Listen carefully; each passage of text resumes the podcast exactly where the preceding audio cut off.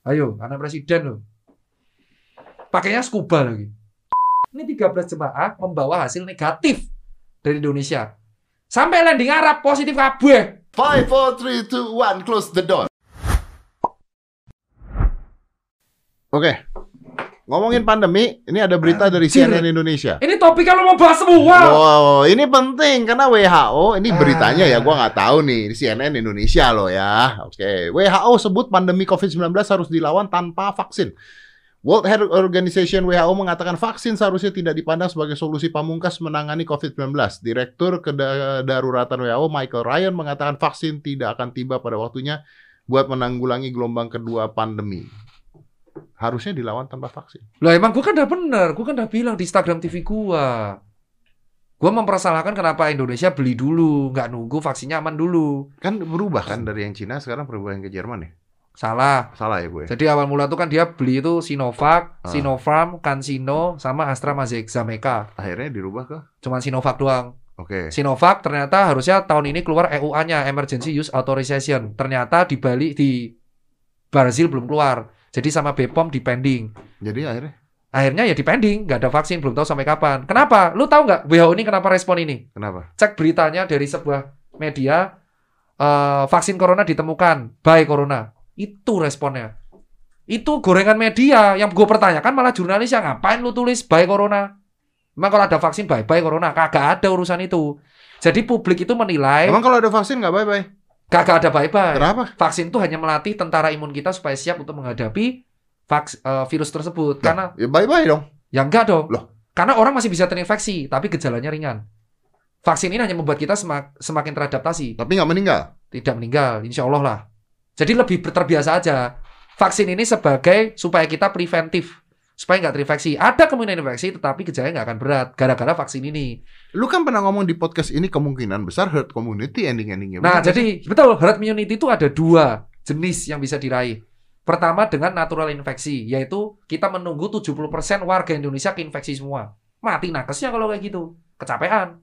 Berarti kalau 270 juta penduduk keinfeksi 70%, yang masuk rumah sakit ya seratusan juta orang. Oke. Oke. Nggak bisa kan? Yang kedua dengan cara Vaksin. vaksin. Vaksin itu juga masuk herd immunity. Tepat. Karena semuanya dikasih vaksin yang sama ya. Yoi, dan ini kenapa gelombang 2? Karena di Eropa lagi musim dingin. Dari statistik dari penelitian jurnal, virus COVID itu lebih bertahan di musim dingin. Makanya mereka takut bahwa vaksin nggak keluar di musim dingin. Makanya sekarang lockdown lagi tuh Eropa karena musim dingin. Lockdown nggak lockdown nggak ngaruh orang mereka musim dingin tetap di rumah kan. Jadi orang-orang yang tidak terkena COVID walaupun dia ketemu dengan banyak orang dan sebagainya saat ini bisa saja karena memang tubuhnya kuat. Nah kan gue udah bilang dari awal, mungkin saja mereka tuh kena COVID tapi karena tubuhnya kuat nggak bergejala.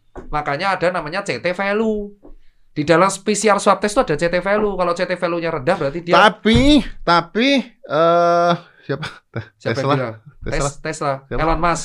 Elon Musk. Kena COVID. Dia swab iya dan tidak, iya dan tidak. Dia sendiri bingung. Nama namanya. Oh, Anda nggak? Oh, ada ada beritanya itu. Ayo. Itu artinya adalah standar alat PCR di setiap rumah sakit harus perlu dikalibrasi. Itu ada namanya standar kalibrasi. Itu kan diurus sama BSN, Badan Standarisasi Nasional. Berarti Kelar. bisa aja orang kalau begitu misalnya tes ternyata positif ternyata enggak, Loh. enggak ternyata positif. Itu harus dipertanyakan adalah kalibrasi di Indonesia. Makanya dipertanyakan nama Jepang. Tuh, Elon Musk said he test positive and negative for COVID-19. Wah. Here's what you need to know about the different tests. Nah, Tuh. ini harusnya dibaca penuh. Kenapa Ah. tesnya? Wah, two PCR test at separate lab is waiting at the result. Nah, ini ini artinya apa? Nah, ini tuh, baca itu bawahnya. The truth is, no test is 100% Tepat, accurate bener. all of the time. Karena yang akurat cuma buatan Allah, Pak. Itu kan buatan manusia. Jadi artinya orang bisa aja dites positif padahal dia negatif dong. Itu namanya false positif. Bisa, Benar. kan? Bisa. Ah. Makanya ada namanya kalibrasi. Itu yang kanan bawah apa itu? Nah, rapid antigen test. Enggak, itu kan lebih tertarik yang kanan jadi gini gini gini gini. From Nih, the web. Oh, from the web itu bagus tuh. nah, jadi gini, yang dicek sama dia tuh adalah ini rapid antigen swab test. Gini, Pak. Aduh, sekarang tuh tes ada tiga. Rapid test serologi, itu yang dicublek-cublek, Ah. yang kayak tes It- itu yang kehamilan. ID bilang enggak Nggak valid. nggak itu valid. rapid serologi hanya untuk screening cluster. Jadi Oke. kalau misal ada kerumunan, pakainya itu. ya. Kedua, namanya rapid swab antigen test. Nah, Antigen. rapid swab antigen test itu dipakai sama Elon Musk. Oke. Itu kita yang gue foto, jadi pakai hidung. Heeh. Dari hidung diambil, tapi dikasih ke ngecek antigennya doang Oke. di alat yang rapid itu. Oke. Itu sensitivitasnya cuma 70-an persen. Yang ketiga, PCR swab test itu ngecek RNA-nya. Itu yang diambil sini terus pakai alat PCR harganya 90. piro? Kalau yang rapid kalau yang rapid serologi itu murah. Kita nggak usah bahas lah itu udah nggak valid soalnya. Wes. Yang kedua rapid antigen itu rata-rata 200 ribuan sesuai. Mana tadi ada harganya? Nih, Tadi harganya di bawah. Geser. Tuh 25 dolar. Oke. Sama 250 ribuan. Oke. Atas lagi nanti gagal fokus. Oke. Nah, terus yang ketiga PCR swab. Nah, itu yang mahal. Itu yang gold standar. Itu 600 sampai 900. Nah, harusnya pemerintah itu memperbaik alat PCR. Nah, si Elon Musk ini pakai swab antigen di dua tempat berbeda. Swab antigen itu emang buat screening, wajar. Kalau gold standar swab PCR. Jadi dia nggak pakai yang gold standard nih. Enggak, dia pakai swab antigen. Something extremely bogus is going on. We was test for COVID four times today, empat kali. Two test comeback negatif, uh, negatif. Two test comeback positif. Same machine, same test, same nurse. Rapid antigen test from BD itu apa sih? Nggak tahu. Wah, rapid antigen. Memang benar rapid antigen test itu emang untuk screening, bukan buat gold standar. Kata-kata Elon Musk ini adalah sebagai masukan sebenarnya. Kalau lu mau ya PCR. Nah, ini yang jadi masalah adalah lu baca berita hari ini 17 WNI posit yang sudah mendapatkan surat negatif corona positif di Jepang semua. Terus Jepang kritik. Kayak, eh, Berarti yang udah dites di sini negatif, di Jepang jadi positif. Iya. Jadi dia bilang, ini suratnya Indonesia aneh nggak valid. Itu omongan Jepang. Kelar gak lu? Loh, bi- bisa aja kan kena kenanya di perjalanan. Kagak, dia bilang, ngapain ada surat ini? Digituin sama Jepang. Yang bener. Eh, baca berita, udah gue post. Tiba di Jepang 17 WNI positif COVID. Geser bawah, Jepang mengeluarkan statement. Nah, Kemenlu setelah diuji identitas hanya kabar beredar yang mengatakan WNI tersebut rombongan yang hendak magang di Jepang. Terus bahwa seiring dengan pelaksanaan normalisasi, Jepang terhidung memutuskan untuk menerima aplikasi visa pemberian sertifikat COE. Nah, ini dilaksanakan 72 jam sebelum keluarga. Nah, ini WNI itu malah tanya, kok si Jepang tuh tanya, berarti ada masalah dengan standarnya negatifnya di Indonesia. Situs Kedutaan Besar Jepang di Jakarta menyebut setelah menerima visa, pelancong wajib menunjukkan surat keterangan tes COVID-19 dan dilakukan 72 jam sebelum kelar. Jadi, nah di sana tuh negatif. Dilihat, oh negatif tuh suratmu, tapi Jepangnya nggak percaya. Oke, swab lagi di sini, positif kabur. Jepangnya takon, lah terus negatif iki soko sopo Lah, kan standar bisa aja kena dalam perjalanan, bos. Kenapa harus mengatakan alat kita yang jelek? Loh, yang ditanyakan Jepang tuh bukan alatnya. Ngapain ada surat COVID negatifnya? Oh. Kalau lu emang sudah bisa kena di perjalanan, ya udah lu nunggu gua aja. Toh lu pasti akan dicek lagi kok di Jepang. Jadi nggak usah bawa surat mengatakan negatif gitu Betul. maksudnya. Itu yang dipertanyakan ke Kemenkes ngapain lu harus bawa surat-surat negatif kayak ginian. Toh lu dicek kayak gini juga positif. Jadi surat lu tuh nggak berlaku, Bos, di sini. Jadi kita standar yang bilang surat bebas COVID yang gue bilang kemarin SKCK kita itu yang surat keterangan bebas negatif COVID untuk sebagai syarat penerbangan itu bukan hanya jaring yang kritik, Jepang juga tanya. Ayo gak lu? Ah, pemerintah sekarang gue bilang 8 bulan kita ngapain satgas COVID-nya sampai kita dikritik Jepang. Dan ini bukan Jepang, Mekah coba. Empat hari lalu berita we Mekah menolak umroh dari Indonesia karena iya ada coba Mekah menolak umroh dari Indonesia karena ada jemaah Indonesia yang di dari sini tuh standar suratnya negatif di sana positif semua. Akhirnya dibuat kebijakan Indonesia harus memperbaiki sistem tesnya dulu surat-surat ini baru nanti dibuka lagi buat umroh. Ada berita ya? Coba lihat. Ada nggak? Mekah menolak orang Iya. Indonesia umroh ke sana. Iya, visa umrohnya di pending semuanya untuk menunggu sampai kita tesnya bener. Gara-gara kita berturut-turut positif terus di tes di sana. Dua kali berita kayak gini berarti menjelaskan bahwa yang nggak becus siapanya. Surat. Satgas Covid, wes toh. Wes, harusnya Satgas Covid itu sudah saya bilang. Saya udah bilang di Twitter, kursi podcast ini harusnya untuk Satgas Covid, bos, bukan saya lagi. Eh, lu tuh ngomong apa ya di Instagram ya? Eh, ada nggak? Mekah? Ada nggak Mekah? Ad- Ada kan? Mekah ada? Visa, visa umroh, visa umroh di pending. Visa umroh dipending Visa, karena visa umroh. Wih. Wah, berarti kalau gitu negara-negara bisa tidak percaya pada ya. pada Indonesia dong kalau Five, misalnya kata four, three, three, two. Waduh, Waduh, Arab Arab tutup tutup. pintu. Nah, ayo baca berita bawah. Waduh, Arab tutup pintu lagi Kita buat bawa tuh. Pemerintah Arab Saudi menutup sementara proses visa umroh bagi jemaah Indonesia menyusul adanya 13 jemaah Indonesia positif terinfeksi COVID-19 berdasarkan hasil tes PCR.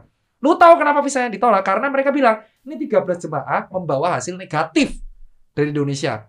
Sampai landing Arab positif kabeh. Terus Arabnya ngomong, "Ki? Wah, pending saya visane. Ra jelas sih tesnya." Dua negara udah giniin kita. Dan ini Tidak. gua nggak ngerti kenapa, kenapa nggak tesnya di di bandara nggak bisa ya langsung kan bukan Bisa di bendara, di Jerman bisa. Semua negara tuh tesnya di bendara, Bapak. Hanya di Indonesia doang yang nggak bisa. lah Indonesia bukannya ada tes Pakai rapid bandara test serologi. Di bandara tuh semua sudah pakai swab antigen sama swab PCR. kecuali di Indonesia Kecuali Indonesia. Hebat emang. Apakah Kemenhub baca ini? Ini sekarang yang nanggung siapa? Negara lain, Pak, yang nutup kita. Arab udah komplain, Jepang udah komplain. Ayo, ini kan tidak viral di media. 16 November loh. Arab tutup pintu umroh gara-gara apa? Gara-gara jemaah RI positif. Salah jemaahnya enggak. Jemaahnya bilang, gue udah negatif kok di Indonesia. Terus Arab bilang, tapi di sini positif. Yang ditanyakan Arab cuma satu. Lu tuh santai-santai aja, tesnya pun di sini. Surat lu tuh ngapain? Jadi dia Arab menganggap bahwa berarti bisa kemungkinan nih yang negatif di Indonesia tuh positif KB. Akhirnya Indonesia menjadi headline di dunia, coy. Nah ini kan pertanyaan, Pak Jokowi sudah menuju Satgas Covid. Menurutmu siapa yang paling harus bertanggung jawab? Satgas Covid, bos. Makanya kan saya bilang, pe- mau Pak Anies ditegur, mau Pak RK ditegur, Pak Ganjar ditegur, itu kaitannya klarifikasi sebagai kepala daerah karena pertanggungjawaban impres tentang protokol. Tetapi yang perlu ditanyakan adalah Satgas Covid-nya ini harus bereaksi dong. Berani nggak Satgas Covid nyalahin Jepang Arab? Itu salah Arab, salah Jepang. Kagak berani lah orang negara lain kok. Satu negara nggak apa-apa, dua negara udah ngeritik sistem kita. Lu mau seluruh negara ngeritik? Maka aku bilang, Tirta, lu sok bener. Oke, yaudah lihat berita aja. Viral nggak di media? Kagak ada yang viralin ini. Podcast ini baca sendiri kan? Lihat. Makanya aku bilang, kursi ini harusnya diduduki oleh Satgas Covid. lu tuh sempet ngomong di lu punya eh, Instagram ya kita bisa buka Instagramnya Dokter Tirta nggak mungkin nggak buka Instagramnya Eh. bisa ba- dari web bisa ya sekarang nih Bisa. oh dari dulu bisa sih Sekarang Instagram ada shoppingnya loh. Oh, apa shopping apa Ada shop. Ya. Ada shopnya. Instagram dari dulu ya kan ada kan iklan-iklan Bukan. Bukan. Kalau dulu kan yang tempat notifikasi gitu. Nah sekarang gantinya jadi Shop. shop. Hebat gak maksudnya Instagram? oh bisa jualan UMKM Bisa. Gila gak Instagram? Instagram. Serius? Serius. Sekarang orang bisa dagang. Ini kok bahas Instagram ya? Tuh. berarti gue personal bisa dagang Wah curang lu, lu malu lu. aku kan Lu nanya serakah anjir. Hancur orang nanya oh, Monopoli perdagangan. Ini billboard dia punya. Sekarang endorse semua. Udah gitu iklan. Mau collab sama Bang Karni Ilyas, podcast terkenal paling kaya raya, endorsean semua. Semua bisnis lu ambil. Lu gak usah dagang lah. UMKM aja yang dagang. Loh, saya UMKM pak Aduh. eh tunggu dulu anda kalau nggak nganggep ini podcast UMKM apa tuh Ini UMKM ini cok saingannya Mata Najwa. lu enakmu Ayo, ini saingan Mata Najwa. Ngaku lu. Ayo. Mbak Nana merasa tersaingin nggak dengan podcast Mata? Najwa tidak akan mengundang Dinar Candy Oh iya benar. Saya ada Dinar Candy kok. Anda yang ada di LC, ada Anda ada di mana-mana Anda. Anda diuntungkan gara-gara Covid Anda. Saya diuntungkan tuh gara-gara podcastmu loh. Oh, iya. Ayo, ingat nggak? Pertama kali yang undang aku siapa? Iya bener ya. Makanya, makanya dokter Tita kalau gua tanya, "Dok, ke sini dong." Mau deh. Nah makanya kalau kalian bilang saya tuh tidak dibayar sepeser pun sama Om Deddy Iya betul. karena saya sudah nggak apa-apa lah tuker pala lah. Iya iya bener bener. bener. Kita sahabat kita. Sa- sahabat, Ya sahabat. tapi ya ini ngomong-ngomong di luar ya. Gue tuh ini loh, gue tuh sayang loh sama lu, gue tuh peduli loh. Lu setiap kali taruh apa di Instagram gue, aduh ini orang gimana, nasibnya aman nggak ya begini, gue liatin. karena gue mes, gue mesin penghasil uang lu. Setiap gue datang view lu tinggi. Betul betul, makanya gue peduli. Ngaku dia. Oi, tuh lihat ada Bill Gates. Tapi enggak nih gue mau, eh gue lagi cerita beneran. Jadi gue tuh lihat, gue tuh peduli, gue tuh care. Video lu gue swipe up supaya tinggi lagi, supaya kan ada video lu, sen- wah, eh Jangan. promo. Berarti gue bisa berkesimpulan, lu yang pansos ke gue. Loh memang. Nggak jadi deh. Loh. Pulang gue nggak selamat lagi. Gede banget badannya. Sekarang tuh tidak ada urusan Lu suntik steroid. Weh, bukan suntik lagi bos, masuk pantat. Gue Ini- bingung. Orang gede selalu dibilang pakai steroid, aneh. Tunggu dulu, gue belum selesai ngomong sama lu. Apa? Wah kan lu jangan ngalihin pembicaraan gue terus dong. Apa? Pertama kali gue podcast sama lu, wih ini keren dokter Tirta nih. Tidak ada ini karakter baru di Indonesia dokter Tirta. Eh, gue kan ngomong sama lu, dok, lu gila dok, lu keren dok, bisa begini begini gini gini ya kan. Terus Oke kadang-kadang kalau misalnya, wah lagi ada dia bikin video nih satu video nih, video nih keren nih. Yuk kita bantu bus. Gue gue bantu ngebus supaya video lu ditonton jutaan orang. Oh ya 3 juta views. Iya supaya Di bisa Instagram datang ke TV. podcast. Oh, Iya dong. Itu namanya persahabatan brother. Iya. Tapi berkat Om Deddy saya di endorse, bukan di endorse sih.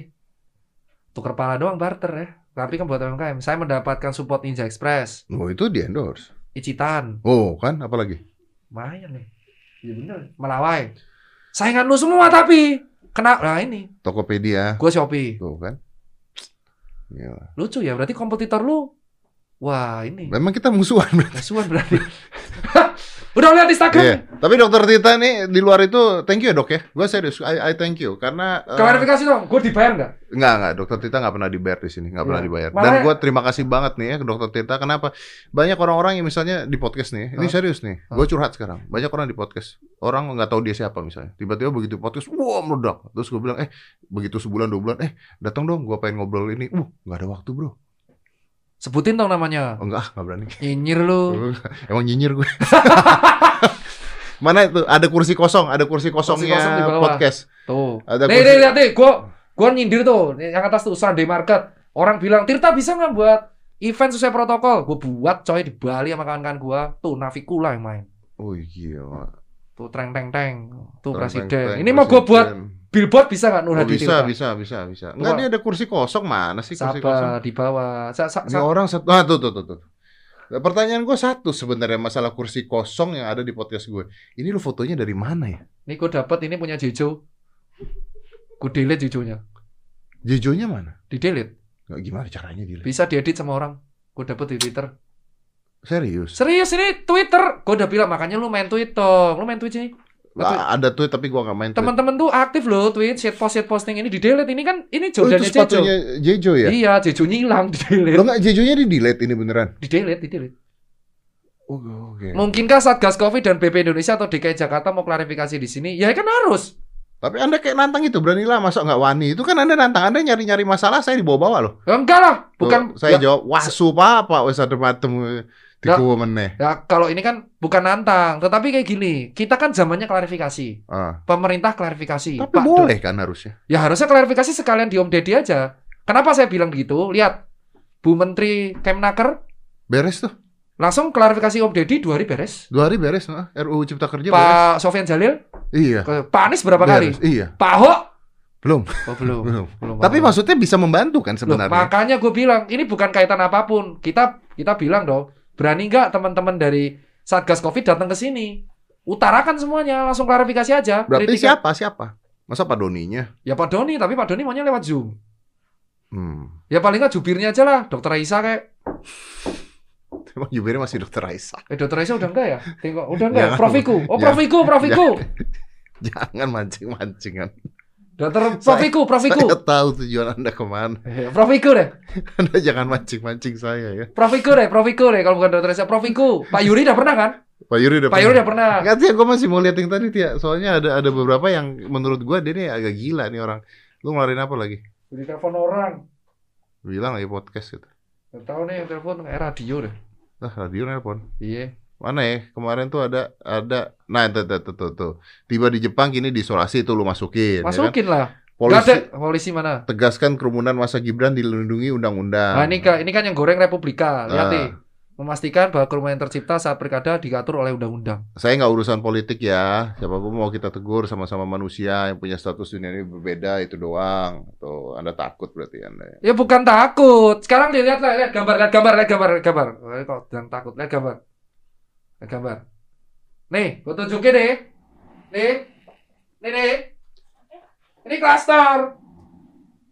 Mana nih? Ini klaster, Bos. Ayo, anak presiden loh. Pakainya scuba lagi. Kalau orang mau cari kesalahan gampang. Cuman ini bukan soal hukumnya, bukan soal siapa yang ngatur. Ini urusan Bawaslu. Cuman COVID itu tidak membeda-bedakan status. Mau lu anak presiden, mau lu ulama, mau lu artis, mau lu gelandangan, mau lu orang biasa, tetap akan bisa kena. Yang pernah, yang berani adalah menahan diri dan edukasi. Ayo tuh, lihat. COVID-nya gathering. Sekarang kalau ini orang biasa yang buat, bubarin pak. Gua disuruh bubarin di Bandung. Kalau orang bilang Tirta sok bener, gua mendapat SK. Lu bukannya temennya Gibran? Sahabat. Lu kan sahabatnya Gibran. Lah emang. Tapi sahabat yang baik akan mengingatkan, bukan ketika dia hancur kita tertawakan, kita ingatkan bos. Saya ingatkan kok langsung ke teman-temannya lewat WA, cuman WA saya nggak dibales. WA saya sama Gibran nggak dibales ya, cuma di read, semprul. Halo Mas Gibran. Tapi kalau sama Mas Kaisang enak, balesnya cepet. Iya, eh gua WA lu nggak dibales tadi. Eh bales ya, Bales, Nye- nyetir. Oh, nyetir. Oh. Oh, mobilnya baru. Bangsat endorse. Udah lama, udah lama, Endorse. udah lama itu. Itu kan karyanya Gofar, punya Gofar. Oh iya iya. Hancur semua mesinnya. Iya bener bener bener. Oke. Oke. Nah, jadi ini yang kita di sini adalah gue nggak nyoroti Mas Gibrannya, tetapi adalah ini salah satu contoh. Kalau ente merasa tokoh publik, contohkanlah yang benar. Kalau salah, minta maaflah yang benar. Simpel kan, Pak? Saya Kapolda aja dicopot, saya dicopot, Pak Anies dipanggil, Pak RK dipanggil, Pak Doni minta maaf. Jadi tidak menutup semuanya, mau tuh Pak Habib Rizik, mau tuh Gibran, kalau emang terbukti melanggar kerumunan, klarifikasilah. Pak, ini Gibran ini ditegur kok. Ditegur tapi. Dua, dua hari kemudian, dari ini kan 22 September ya. Ah. Dua hari kemudian ditegur, ada beritanya. Oh, berarti Gibran beres. ditegur, coba aja. Ya nggak usah, berarti udah ditegur ya. Ada, tapi nggak tahu sanksinya apa Ah, atau udah klarifikasi.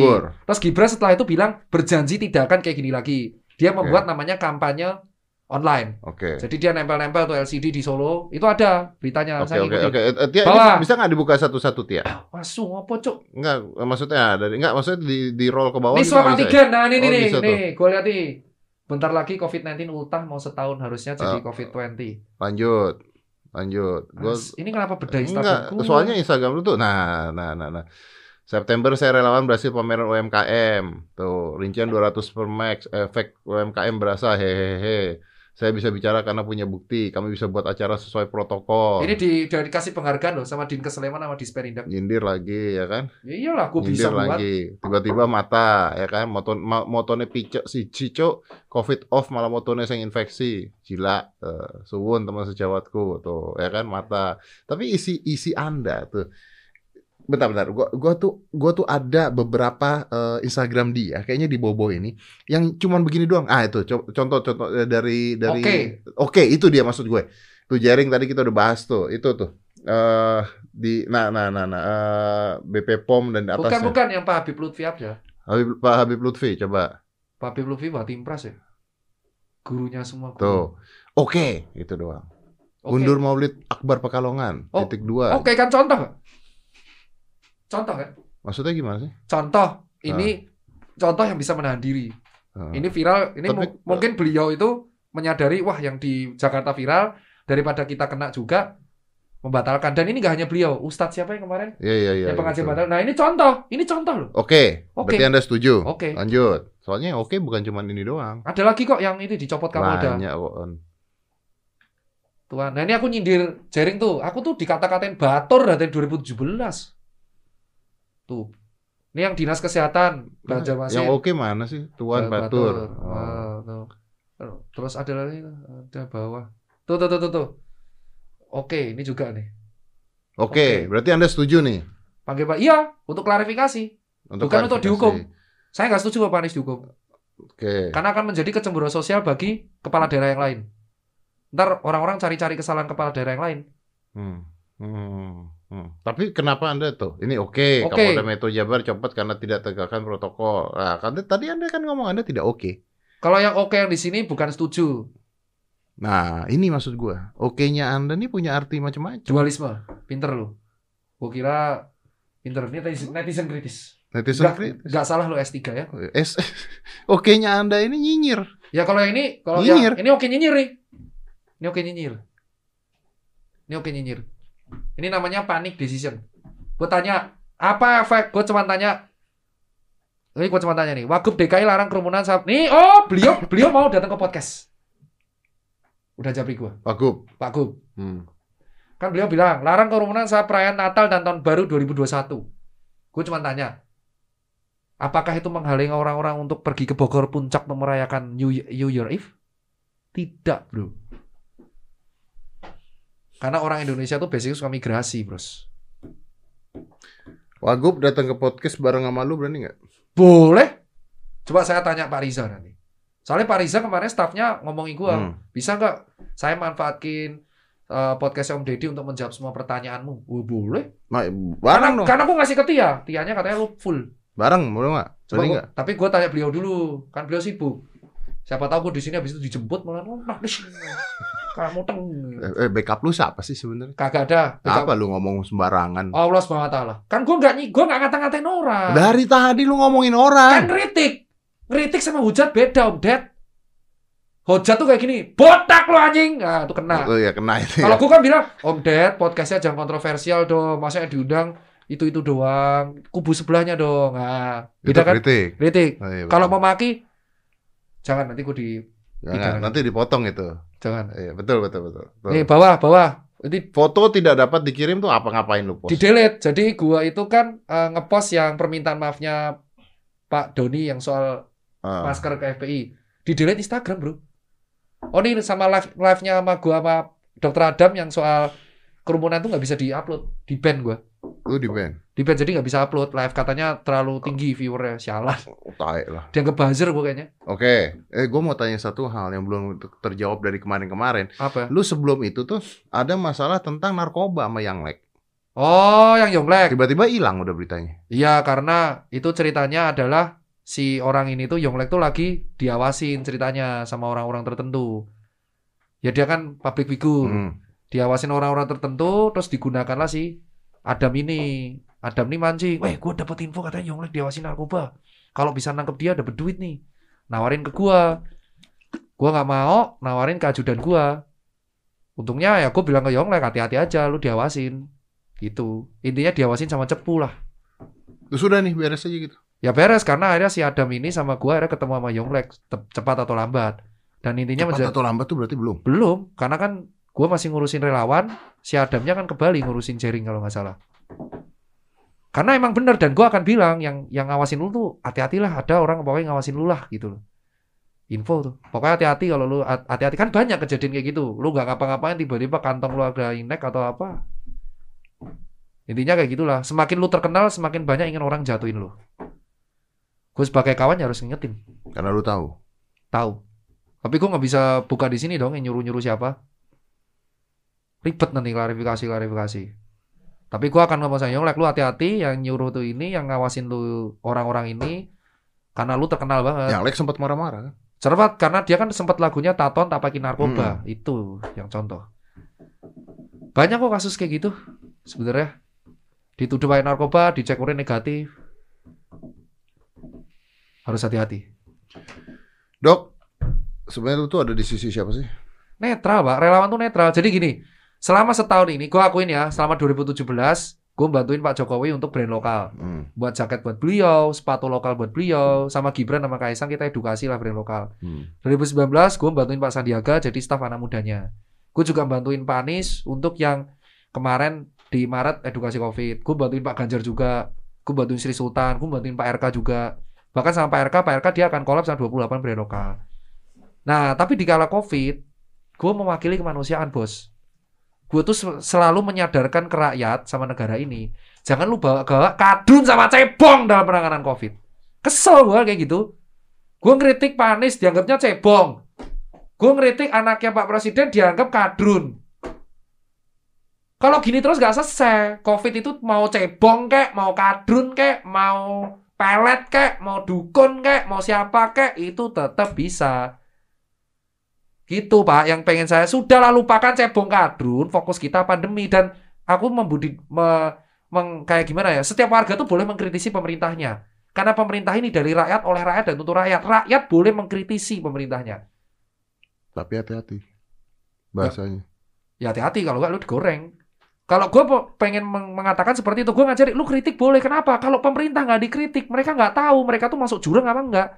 Rakyat yang baik adalah rakyat yang kritis terhadap pemerintahnya dan juga memberikan solusi buat pemerintahnya. Itu yang gue kasih. Bukan gue sok bener. Kalau orang yang kritik harus sok benar dan sok suci, dunia ini mau jadi kayak apa, Berarti Pak? lu juga belum tentu bener dong. Loh, gue gue dikritik gak bisa-bisa Pas Hawi. Apa gue defend? Langsung gue dicopot, bos. Apa gue protes soal pencopotan itu? Dan tapi gue apa? Gue minta Holy Wing minta maaf. Holy Wing minta maaf ke gue. Salah tir. Adminnya disanksi, bos. Semua orang tuh berat, Pak. Setiap orang tuh siap salah. Budaya salah itu manusia tuh tempatnya salah. Yang kekurangan dari orang Indonesia adalah budaya timurnya tentang minta maaf mulai berkurang. Tapi defense mechanism-nya untuk gengsi duluan minta maaf. Itu yang gue permasalahin. Jika dari Maret orang-orang kita tuh minta maaf, maaf ya saya statement aneh-aneh mengatakan kalau COVID itu sembuh karena nasi bungkus. Selesai pak, lu dibully dua hari tapi orang akan melupakan kasus itu. Daripada diam. Ya, lebih mudah meminta maaf daripada minta izin. Itu sebuah quote yang emang harusnya dibudidayakan di sini. Kalau memang salah. Seandainya kita dari awal tuh budidaya minta maaf, budidaya minta maaf, orang nggak akan kayak gini, Nggak Pak. ribet ya. Contoh yang paling simpel. Ya, di Brasil kalau nggak salah Menkesnya sempat mundur. Hmm, hmm, hmm. Ya kan? Banyak waktu itu kan. Banyak gue post satu-satu yang mundur, yang mundur, yang mundur karena ngerasa salah. Kenapa? Ya, apa yang ada yang bunuh diri apa gitu kalau nggak salah. Wah, gue nggak tahu kalau yang bunuh diri. Intinya tuh adalah gue me- me- mem- mengatakan bahwa pemerintah yang baik tuh yang mendengarkan kritik dari rakyatnya. Itulah gunanya demokrasi, Pak. Kalau lu nggak mau dikritik, ya lu sama aja menganut paham politik yang anti kritis kayak sosialis, Pak. Ya tapi ending-endingnya kan lu mengatakan kayak misalnya toko lu aja dirus dirusak apa diapain sih tuh? Dirusak, diteror. Tapi gue nggak tahu tuh kriminologi biasa atau terkait teror. Yang penting toko gue dirusak, Dirusak tuh definisinya apa bro? dijebol dan tidak ada sesuatu yang hilang kecuali HP admin. Berarti di Isi uang nggak ada yang hilang. Oh, berarti Utuh. teror dong ya. Utuh di sana cuma dijebol diobrak-abrik semua. Masa lu nggak laporin ke polisi? Sudah gue laporin ke Polda. Masa lu nggak punya pikiran siapa yang melakukan? nggak mau gue nggak mau suzon biar urusan polisi gue kan warga negara hukum jadi gue pa- patuh aja pada polisi kasusin BMW gue dipecah di bulan April gue gue pasrah sama Polda Metro Ma- Palembang kerampokan habis sampai bangkrut toko gue dirampok Udah ada semua. yang ketangkep belum? belum ada yang ketangkap sampai sekarang Palembang terus di Makassar udah dilaporin di Solo juga dilaporin. Jadi gue patuh santai aja gue patuh karena nggak ada yang hilang gue juga santai-santai aja. Kalau yang BMW hilang laptop isinya data PD kalau nggak salah. Kalau yang kalau yang di mana namanya di Palembang juga dilaporin. Itu perampok perampokan habis tuh toko gua yang di Palembang. Dan itu set- setahun gue ngerasain semua. Gue gue ngerasain semua. Jadi yang gue pengen maksud dari semua Instagram gua adalah lu tuh punya suara. Selama lu merasa kritik lu benar gak apa-apa. Yang penting apa yang kita petik dari jaring adalah kritik dia benar dan terbukti semua kritik dia tapi kesalahan dia adalah dia tidak mempertimbangkan ada orang yang tersinggung. Karena tersinggung orang tuh relatif. Gua nggak tersinggung, tapi bisa aja Pak Teja tersinggung. Nah, kedua, pelajaran dari Braga adalah harusnya tingkatannya tuh somasi dulu. Penjara adalah alternatif terakhir jika orang tersebut tidak jera. Jadi somasi dulu, baru ditanggapi mediasi, nek raiso mediasi, lagi litigasi. Kalau ITE, Iya. Itulah gue bilang ITE itu harusnya dimaksimalkan kalau untuk somasi, silaturahmi, Pak. Tapi kalau ITE ini digunakan untuk tersinggung penjara, tersinggung penjara, orang di penjara karena tersinggungan. Dan gue udah bilang itu berkali-kali. Tetap ada somasi, mediasi, baru litigasi. Dan polisi juga, cyber itu sampai curhat ke gue, Pak. Kasusnya baik banget sekarang orang lapor-laporan. Cuman karena dikata-katain gila. Ya bukan gila sih, karena ya kasus akan capek, Pak. ya tapi undang-undangnya ada masalahnya. Ya tapi kan kita harus edukasi juga. Kemarin Makan Ilyas tuh mengatakan bahwa sebenarnya orang itu boleh eh, memberikan informasi atau misalnya menyindir sesuatu kalau itu untuk kepentingan publik kata dia. Ya, ya. Tapi ITE-nya nggak ada undang-undang tersebut gitu. Jadi kadang-kadang orang tuh kayak kasus Prita dulu itu kan untuk Oh, kepentingan publik. Tapi iya. akhirnya orang tuh ketangkep karena tidak ada Mencemarkan nama baik. Iya, karena tidak ada backup mencemarkan nama baik. Oh kalau gue kan emang bilang ya lu bilang ke gue gue relawan gue ngomong ngapain di lapangan. Nah kalau lu ngomong-ngomongin orang apa nggak mencemarkan nama baik? Loh gue ngomongin orang gue nggak jelek-jelekin orang tersebut. Ada faktanya kerumunan. Ada faktanya nggak patuh protokol. Gue selalu bilang ada solusi. Tipikal lihat captionnya Dr. Tirta nih kalau udah buat narasi. Gue ngeritik tapi gue kasih solusi. Ya udah oke. Gua pertanyaan lu apa yang lu dapat sih? Gak ada. Tai lah. Kagak ada. Kalau orang bilang popularitas gue udah bilang. Endorse-nya malah di-cut. Gak ada. Gue hanya dapat circle. Sebuah link pergaulan yang gak pernah gue dapetin dari dulu. Dan tugas gue semakin berat di situ. Bantu isu publik, menangani isu publik, terus menangani relawan. Dan gue ketemu relawan yang gak pernah gue temuin sebelumnya. Gue ketemu keliling-keliling kota, ketemu orang, wah relawan apa. Jadi koneksi circle-nya bagus. Circle, Pak. Lingkungan. Lingkungan tempat bergaul yang baru. Gue ketemu teman-teman pemuda dari ormas Islam pun dari sini. Ya kalau nggak kita nggak ketemu juga ya. Bener, Iya, gara-gara gara gue bersuara jadi rezeki itu bukan artian orang melihat duniawi ya. Kalau gue belajar nih, rezeki itu bukan hanya duniawi pak. Rezeki itu bisa dalam artian orang, koneksi yang baru, circle, teman obrolan, ilmu. Yang akhirnya ilmu ini harus kita amalkan. Kalau ditanya, lu gak dapet duit munafik, hidup gak soal uang pak. Gue dapet uang udah cukup dari cuci sepatu. Banyak buzzer sama netizen ngejek gue, lu tuh cuma tukang cuci sepatu. Iya, tapi tukang cuci sepatu gue ini bisa ngidupi 300 orang. Gue udah bersyukur di situ, udah merasa enough. Dan berbuat baik gak harus nunggu kaya raya. Berbuat baik dari kapan pun bisa. Dan tidak harus mendapatkan pahala apa pun. Tapi kan akhirnya semua pemuda ngerti. Tirta yang kerempeng aja berani ngeritik. Gue masa nggak berani? Ya Iya. ngeritik lah yang sopan. Makanya jaring tuh bagus pak, tapi ya kepleset. Nah, Artinya belajar mengkritik pemerintah atau siapa pun itu, tapi kritiklah yang sopan. Iya kritik yang sopan dan ada tujuan jelas ya. Nek kowe ngeritik tok. Ini kejahatan rezim. Wah, ngopo? Ora jelas kritiknya. Sing jelas kritiknya. Jadi pemerintah ngerti, oh bersuaranya karena ini. Oh yaudah tanggepin. Kemarin video gue viral yang soal kerumunan. Iya. Dua hari setelah video semua dicopot. Wah video gue dijadiin barang bukti. Gue sebagai rakyat. Ada yang mengira video live gue berimpact jadi kayak gini? Gak ada. Tapi gue hanya menggunakan aset terakhir yang gue punya. Suara. Anugerah dari Allah tuh. Suara. Suara bos. Wali Songo aja ngajar di Indonesia tuh karena suara bos. Iya. Nah itu yang gue bilang. Podcast lu aja memfasilitasi orang bersuara. Pahala dong. Makanya gue bilang kalau Satgas Covid mau klarifikasi nggak usah di pers. Lu klarifikasi ke orang awam langsung. Pak Dedi. Biar Pak Dedi yang mengadili kenapa Jim gak dibuka. Kenapa Liga 1 gak dibuka. Lu berani jawab gak di depan podcast Om Deddy? Kalau nggak berani ya udah. Cari Dan- aman dan berarti itu lu. tugasnya Satgas Covid ya. Tugas Satgas Covid. Sudah nggak bisa nggak. Satgas Covid yang dibentuk Pak Joko Widodo. Jadi sebelum nyalain presiden dan nyalahin Pak Anies, nyalahin Pak RK, Satgas Covid punya pusat dan punya daerah. Ini yang dipertanyakan. Udah, panggil aja Satgas Covid pusat, panggil Satgas Covid daerah. Kewenangan lu apa, hak lu apa, kewajiban lu apa, anggaran lu gimana. Silakan jelaskan ke publik apa yang sudah lu buat LPJ-nya selama dari Maret sampai Desember. Biar publik yang menilai tugas Satgas Covid bener nggak. Kalau memang kecewa, bubarkan, ba- kembalikan ini ke BNPB dan Kemenkes. Biarkan Pak Terawan yang ngurus, biarkan Pak Doni yang ngurus, Satgas Covid nggak ada sama sekali. Udah ada puskesmas soalnya. Gak usah repot-repot, ada rekomendasi tunggu, Satgas. Satgas Covid itu bukannya BNPB juga. BNPB termasuk di dalamnya. Satgas Covid itu kan multi badan instansi. Hmm. Tidak hanya BNPB, ada Kemenku, ada Kemenkes, ada Kemensos, UKM baik banget pak, baik banget dan orang-orangnya baik banget, gak hanya sipil. Ya tempat- mungkin karena kebanyakan jadi pusing. tepat. Makanya gue bilang kalau mau efektif di daerah-daerah lain tuh, negara lain yang memegang penanganan COVID itu Kemenkes sama Badan Penanggulangan Bencana. Udah. Kakean lembaga bos mumet. Wes ben ke Kemenkes ya sih ngurus lah. Kalau emang nggak sanggup, kita butuh LPG ini udah mau setahun. Gue tuh sebenarnya nyindir setahun ini apa? Biasanya kalau setahun tuh ada LPG, RUPS lah. Ya, ya, ya. Aku minta, ayo Gimana dilihat ya Dilihat ya, Satgas ya. Covid, ayo LPG. Biar pemerintah, biar rakyat yang nilai.